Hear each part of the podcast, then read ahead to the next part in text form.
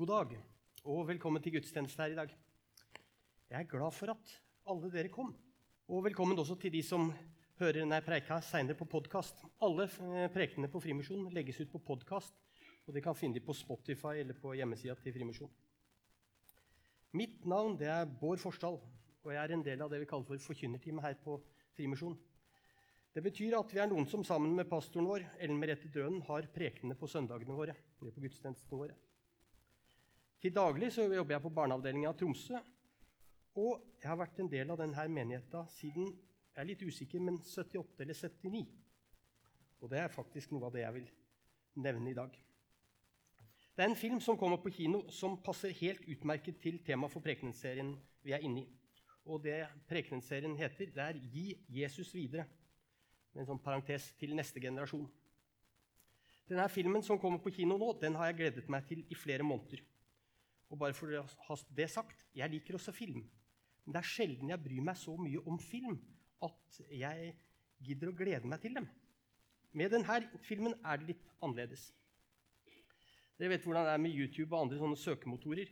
De har laga algoritmer at du får mer av det samme du har søkt på.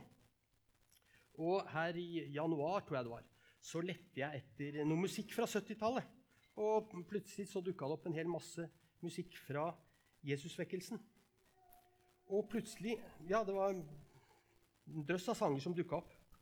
Og denne Jesusbevegelsen, som det ble kalt, det var en bevegelse spesielt blant unge og unge voksne som startet i California og spredte seg til hele verden, også hit til Norge. Ungdom tok imot Kristus som sin frelser og fortalte andre ungdommer om det. Og de voksne de var kloke nok til å gjenkjenne det Gud gjorde, og frem vokste det en vekkelse. Og Time Magazine var de som ga denne vekkelsen navnet The Jesus Revolution. Og det her det er nettopp navnet på den filmen som Aurora kino setter opp nå på mandag, tirsdag og onsdag. Grip sjansen og se den. Filmen har fått god antallet. den. Rotten Tomatoes. Jeg syns det er litt rart, men det er altså det, det, man skal høre på når det er gode filmer. De har gitt den en god kritikk. Men også støtt kinoen til å eh, Støtt kinoen med å gå dit når de velger å sette opp filmer med et annet tema enn krig og konflikt. Og til slutt så kan det bli ganske oppmuntret over det som skjer på filmen, det som skjedde da, og bli inspirert til eget liv. Der, vet du. Og så Det var, det var eh, en sånn der forside på Time Magazine der de ga navnet Jesus Revolution. Og den er siden blitt meget, meget eh, kjent forside fra Time. Og der skal det komme en Her kommer det en liten trailer på den filmen. Jeg tenkte det, jeg kan ikke anbefale den uten at dere får Skal jeg tykke noen år under, eller gjør du det? Se der. Hey, Square. I am not a square. I Think we should invite Greg this weekend. What's this weekend?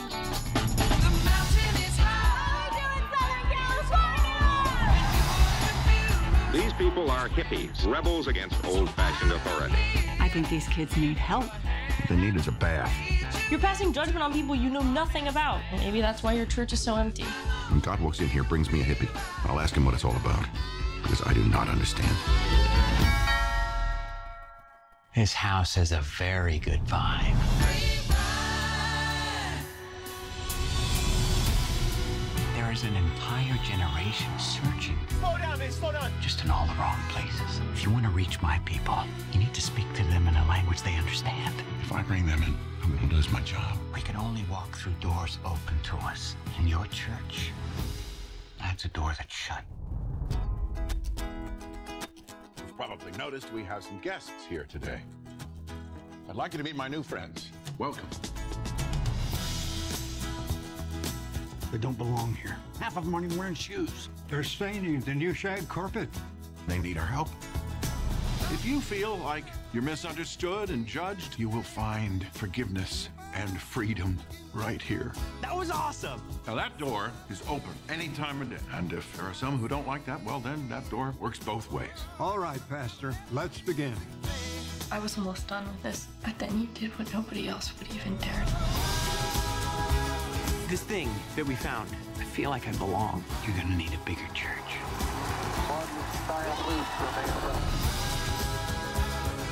Our country is a dark and divided place, but now there's hope, and it's spreading. This is your home, and I want you to tell all your friends about it.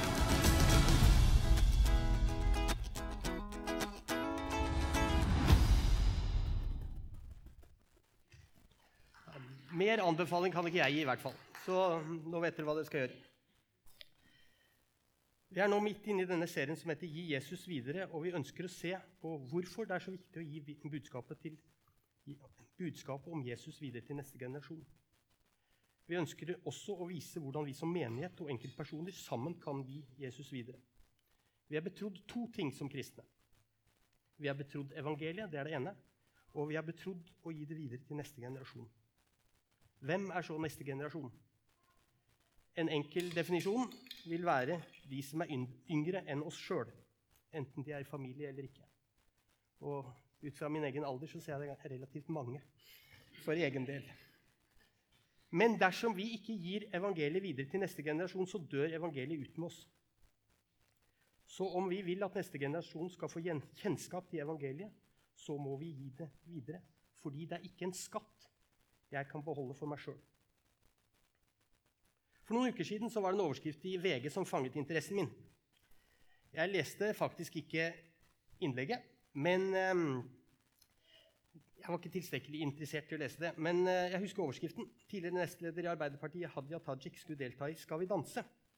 Og kommentaren som kom da Hvorfor det? Eh, jeg syns det var litt sånn catchy, da. Men eh, jeg ønsker å følge opp temaet fra taleserien med nettopp det spørsmålet. Gi Jesus videre til nyere generasjoner. Hvorfor det? I romerbrevet så skriver Paulus for det er ikke noen forskjell på jøder og gerekere. Alle har samme Gud, og han er rik nok for alle som påkaller han. Hver den som påkaller Herrens navn, skal bli frelst. Men hvordan kan de påkalle en de ikke tror på? Hvordan kan de tro på en de ikke har hørt om? Hvordan kan de høre uten at noen forkynner? Og hvordan kan de forkynne hvis de ikke er utsendt? Hvis ikke vi gjør det, så er det ingen andre som lærer bort hva Jesus sa og gjorde. For det er nok av andre livssyn og livsholdninger som vil lære bort sitt eget.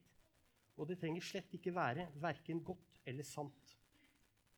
Og uten å putte Thomas Hylland Eriksen i noen slags bås, men i forbindelse med at han var kommet ut med en ny bok og podkast, så ble han intervjua av magasinet forskning.no.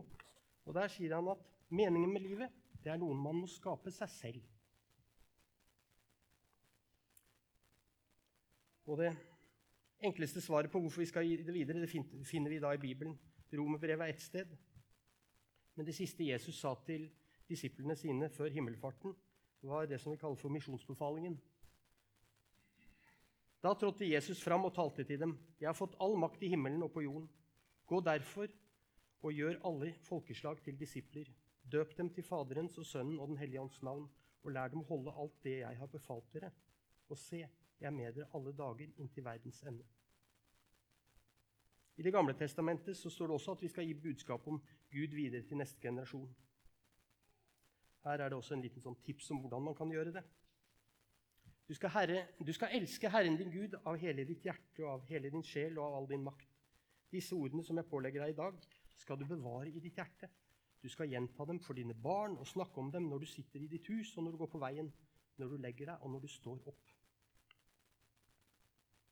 En av mine helter som jeg aldri har møtt, men jeg har lest mange av bøkene hans, han heter C.S. Lewis. Han sa at dersom kristendommen, det Jesus kom med, fortalte og gjorde, dersom det ikke er sant, så er det helt uten betydning. Men dersom det er sant, så finnes det ikke noe viktigere i hele universet. Jeg har lyst til å fortelle en historie om en mann som ble kristen, men han ønsket ikke å overfalle rundt, de rundt seg med det han hadde opplevd, og det som hadde skjedd med han. Så han besluttet seg at han skulle vise den nyfunne troen på Jesus med hvordan han levde, og ikke hva han sa. Gjerningene skulle vise hvem han trodde på. Og Etter noen uker så var det en arbeidskollega som spurte han, hei, har det skjedd noe med deg. eller noe?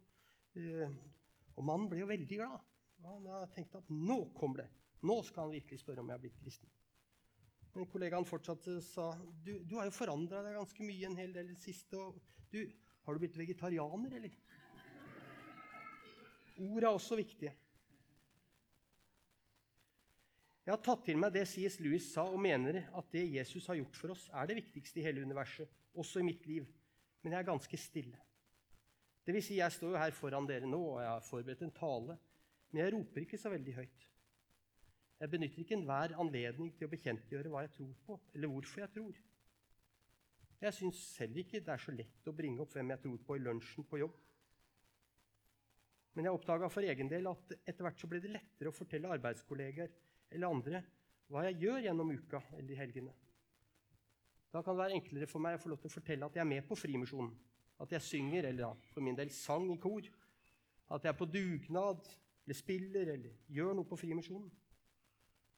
Og ut ifra det så har jeg hatt noen fine samtaler om tro på jobben min. Det er ikke så mange, men noen samtaler om tro.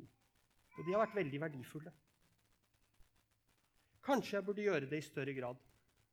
Jeg er ikke sikker, men jeg vet at jeg burde uansett være mer bevisst på hvorfor jeg gjør som jeg gjør.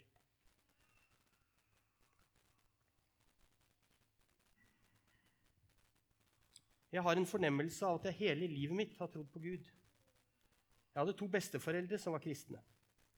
Bestefaren min var av det som het haugianerslekt. Og begge to var aktive i Santalmisjonen. De var kristne, og jeg visste at de var kristne. Og Det var bestemor som lærte meg å be aftenbønn. Og Da ba vi Kjære Gud, jeg har det godt. Takk for alt som jeg har fått. Du er god, du holder av meg. Kjære Gud, gå aldri fra meg. Pass på liten og på stor. Gud bevare far og mor og alle barn på jord. Av og til så sa vi det høyt, og av og til sang vi det. Og Den har liksom sånn har fulgt meg gjennom hele livet. Og det var, det var en bønn jeg regelmessig brukte å bre, fram til jeg lærte noen nye. Det var så besteforeldrene mine som ga meg den første Bibelen da jeg ønsket meg det. Det var en svart bibel med pressa papiromslag. Den var trykka i 1943.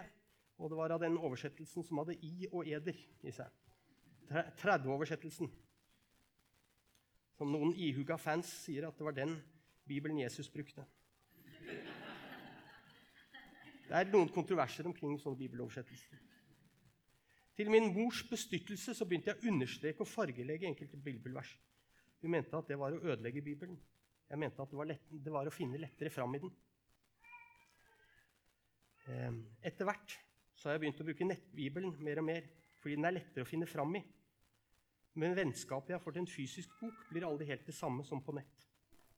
Det er kanskje flere som opplever det, men det er noe å holde, holde noe i hånda og lukte på det og bla på de der stedene den bare detter opp på. Hjemme hos oss da jeg vokste opp, så ble det ikke snakka så mye om tro da jeg var liten. Og familien gikk heller ikke i kirka. Jeg kan ikke huske å ha vært på søndagsskolen i oppveksten. Men det var hele tiden en tro på at Gud var der og passa på. Og så har det vært noen mennesker som har vært viktige for meg. Litt sånn som veiskilt man er avhengig av for å kunne finne riktig vei. De første jeg har nevnt, det var bestemor og bestefar. Den andre det var kateketen på Elverøy kirke, som lærte meg da jeg var konfirmant. Han het Tore. Han var en eh, tydelig kristen og var en del av Jesusbevegelsen på 70-tallet. Det var for øvrig noe jeg skjønte mer av etter hvert. Men samtidig som jeg var konfirmant og var opptatt av de store spørsmålene i livet, så ble jeg bedt med på ungdomsklubben på Frimisjonen. Da het det Junioren. Og det var ikke hvem som helst som ba meg. Det var en gutt som var ett år eldre enn meg, og het Rolf Bjarne. Han så jeg opp til, for han var flink å spille gitar, og det var viktig. Og så ble jeg med, og så ble jeg værende. Jeg ble værende, for der fikk jeg svarene på de spørsmålene i livet som er store, eksistensielle. Hvem er jeg? Hvorfor er jeg her? Er det noen mening med livet? Osv. Dette er spørsmål vi alle stiller oss på et tidspunkt i livet. Eller gjennom hele livet, for så vidt. Og jeg blir værende gjennom alle hverdagene i menigheten vår. Og gjennom den tida så var det noen viktige mennesker jeg fikk lene meg inntil i de årene. Den ene var Ole, som holdt ungdomsgjengen samlet hver fredag. Der sang vi et utall av Negro Spirituals, akkompagnert av hans Ginsa-gitar. Den andre var Vegard, som leda ungdomskoret jeg var med i en masse år. Alle disse personene jeg har nevnt, var viktige personer for meg.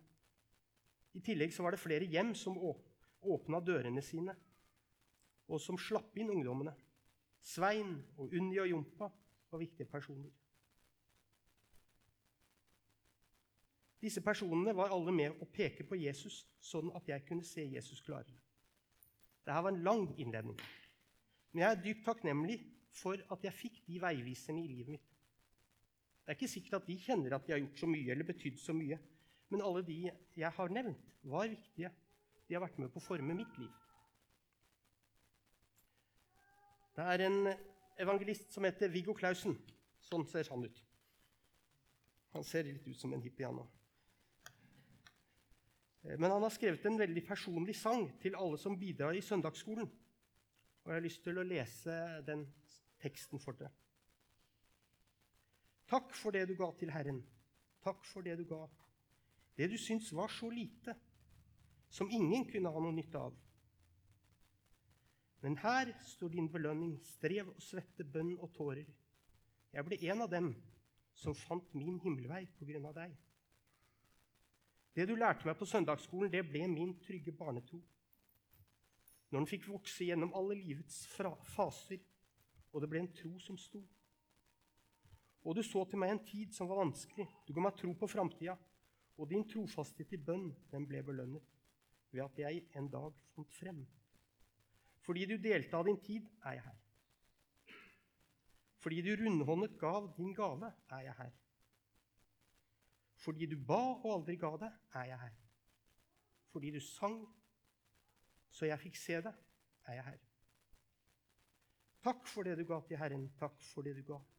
Det du syns var så lite, som ingen kunne ha noe nytte av. Men her står din belønning, strev og svette, bønn og tårer. Jeg ble en av dem som fant min himmelvei på grunn av deg. Jeg har ingen minner om søndagsskolen, det er allerede nevnt.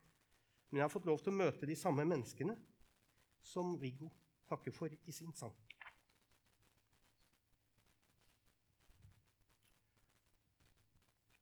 Hvorfor skal vi så gi Jesus videre til neste generasjon? Fordi at det er det viktigste som har skjedd i historien. Det er det viktigste som har skjedd i hele menneskeheten, for å sitere C.S. Lewis. Når Gud får lov til å være den som definerer hva som er av verdi, og hva som er viktig, så kan vi basere våre liv på det. Det synes for oss naturlig å tenke at et menneskeliv er verdifullt, at et barn har uendelig verdi, at min nabo er en jeg skal bry meg om. Men hva baserer jeg meg på det når jeg mener det? Jeg baserer det på hva Bibelen forteller meg om Gud, og hva Gud sier om mennesker. Dersom vi fjerner Gud fra det argumentet, så ender begrunnelsen opp med at 'jeg mener det er slik fordi jeg mener det er slik'. Og når jeg møter en annen person med et annet syn enn meg, hvorfor er da mitt eget syn mer legitimt enn de andres? Høres kanskje litt sånn dratt ut av ingenting, men det er en filosofiprofessor og ateist ved navn Peter Singer fra Princeton universitet han har tatt konsekvensen av dette. Han sier at når man utelukker Gud, så kan man ikke lenger bruke kristen etikk. Og Istedenfor å si at alle mennesker er like verdifulle fordi at de er mennesker, så hevder han at man må vurdere mennesker og for så vidt alt annet i forhold til deres evner. F.eks. evnen til oppmerksomhet, evnen til å lide. Og med Singers vurdering, og dette er hans egne ord, så er et nyfødt barn mindre moralsk verdifullt enn en voksen ku. Dette er et diametralt motsatt syn på et menneskes verdi enn det Bibelen forteller at Gud har. Jesus ga seg sjøl for hvert eneste menneske på jorda. Så som svar på hvorfor vi skal formidle evangeliet, så er det flere svar. Det står både i Det gamle og Det nye testamentet at vi skal gjøre det. Det er, viktig at verdens, det er viktig at neste generasjon får tak i det som er verdens viktigste nyheter. Og det er noen helt andre nyheter enn alt annet i verden. Evangeliet er det viktigste budskapet vi kan gå med i hele universet. Så hvordan skal vi da la barn og unge og eldre for den saks skyld både komme til tro og få lov til å utvikle seg i sin kristne tro? Jeg har lyst til å dra noen veksler på lignelsen om såmannen. Lignelser er historier Jesus fortalte for å belyse noen viktige poeng. Og I lignelsen om såmannen så forteller Jesus om en såmann som sår jorden. Sår korn, heter det. Ja. Han sår korn, og hvordan da såkornet lander på ulike steder. Noen i god jord, noen i skrinjord, noen blant ugress og noen i veikanten. Jesus forklarer denne lignelsen for at disiplene. Og Der sier han at såkornet er Guds ord, og hvordan det slår rot i menneskene som hører det. Og det kornet som faller i den gode jorden, er de som hører ordet og tar vare på det i et fint og godt hjerte, så de er utholdende og bærer frukt. Det er ingen som er kristne i et vakuum, og som en menighet bærer vi hverandre. Det står det også i Bibelen at vi skal gjøre. Bære hverandre. Vi må legge til rette for at neste generasjon får kjennskap og opplæring om det som Jesus gjorde og sa. F.eks. på søndagsskolen, eller Betweens, eller Connect, eller Touchpoint, som er navnet på de aldersinndelte gruppene her på Frimisjonen. Og så må vi legge til rette for vekstforholdene i den gode jorden Jesus snakka om i lignelsen. Vi må ta neste generasjon på alvor, slik at det ikke blir slik at det ikke bare blir helt ok, men at det blir helt naturlig å få stille de vanskelige spørsmålene og. Om liv og tro.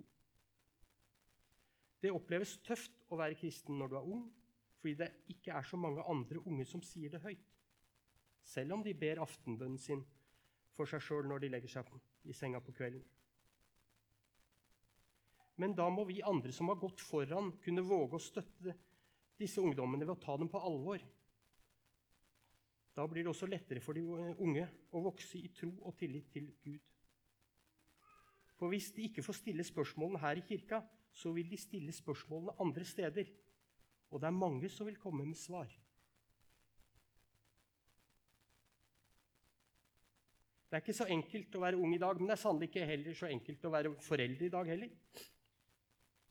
Det er et ordtak fra Vest-Uganda som sier at et barn vokser ikke opp bare i ett hjem. Det betyr at vi må hjelpe hverandre med å vise Kristus for alle barna. Hjelpe dem å se hvem Kristus er. Vis dem hvem Kristus er for dere. Foreldrene vil alltid være viktige for barna, men i ulike aldre så kan det være veldig viktig å få se andre voksne kristne, kvinner og menn. Hva betyr det i praksis? Snakk med dem. Lek med dem. Diskuter med dem. Bry deg med dem. Inviter dem til å hugge ved eller bake kake eller gå på kino, selv om det ikke er dine barn eller dine slektninger. De som er unge i dag, er de som blir gamle om noen år. Viggo Clausen, som vi viste bilde av Ja, der er han fortsatt dit. Nei, nå ble det nok Viggo Clausen. Unnskyld. Um, men han, um, han er en helt fantastisk formidler av evangeliet til barn og unge. Flere av dere som er her i dag, har opplevd han og kan underskrive på nettopp det. Han fortalte en gang at sønnen hans, som var i 12-13-årsalderen, var i opposisjon til foreldrene, han var i opposisjon til menigheten han var vokst opp, og alt som skjedde der, var kjipt og uinteressant. Og Viggo var dypt fortvilt over situasjonen. Så dukket det opp en ungdomsleder som tok denne sønnen under vingene sine, hørte på han, var der, og etter en stund så var det slett ikke kjipt å gå i menigheten, og barnetroen fikk lov til å vokse. Viggo sa når han fortalte det her, at han kunne forgylt den ungdomslederen. Av og til har barn behov for å høre andre si det samme som foreldrene har sagt tidligere. Og når Viggo, med de formidlingsevnene han har, har behov for hjelp av en ungdomsleder som kunne være forbilde for sitt sønn, ja, da er det mange av oss andre som også har behov for nettopp det.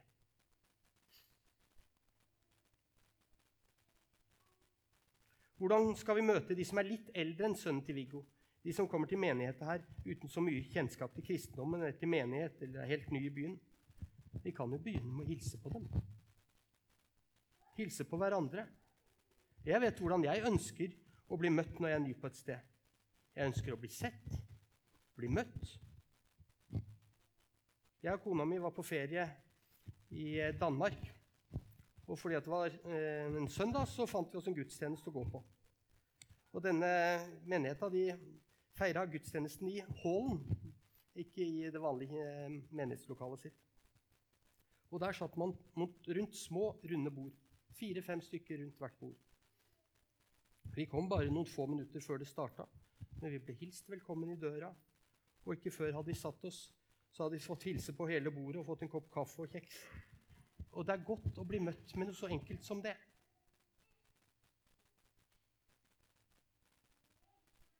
Det er viktig hva vi gir videre til neste generasjon. For alle baserer livet sitt på noe. Alle baserer livet sitt på noe. Det som er viktig, er hva du baserer livet ditt på.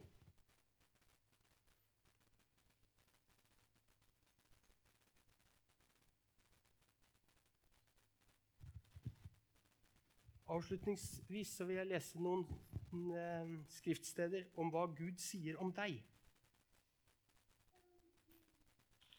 Det inkluderer alle mennesker vi er nabo til, i, slek i slekt med, de vi ser på bussen eller på nyhetene.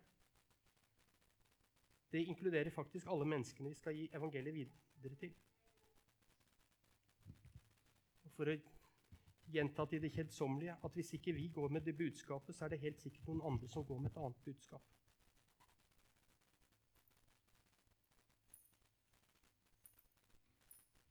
Nå så vil jeg be dere om å lukke øynene, len dere tilbake og hør hva Gud har å si til dere.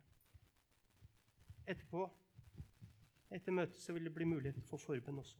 Men lukk øynene og len dere tilbake.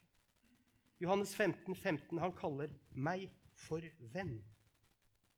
1. Tessalonikene 1,4. Han kaller meg utvalgt. Efeserne 2,10. Han kaller meg sitt mesterstykke, sitt kunstverk, håndlaget. Han kaller meg skapt til gode gjerninger. 1. Korinter 6,19. Han kaller min kropp for et tempel. Han kaller det for boligen til Den hellige ånd. Apostlenes gjerninger 1,8. Han kaller meg sin budbringer til verden. Galaterne 3,26. Han kaller meg sitt barn. Romerne 5,8. Han kaller meg høyt elsket. Johannes 8,36. Han kaller meg fri. I sannhet fri. 2. Korinter 5,17. Han kaller meg en helt ny skapning. Kjære Jesus, takk for de ordene og de navnene du har på oss. Jeg ber om at det må bli en realitet for oss alle sammen, at vi kan ta det til oss. Når vi også gir ditt ord videre til resten av verden. Amen.